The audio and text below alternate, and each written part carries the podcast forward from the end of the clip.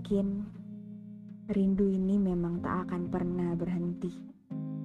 Dan aku rasa aku akan belajar menerima kenyataan bahwa aku harus hidup dengan sebuah kegelisahan permanen dalam hatiku.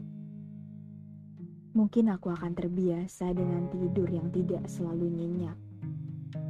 Terbiasa dengan harap yang terkadang muncul atau keyakinan yang tiba-tiba mengisi pagiku dengan semangat.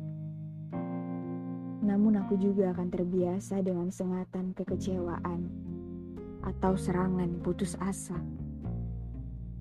Mungkin rindu ini memang tak akan pernah berhenti. Dan hidupku pun seperti itu.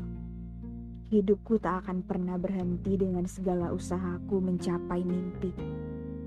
Menjadi sosok yang lebih baik lagi, meski selalu diikuti dengan memori. Mungkin rindu ini memang tak akan pernah berhenti. Begitu juga dengan rasa ini. Begitu juga dengan penantian ini.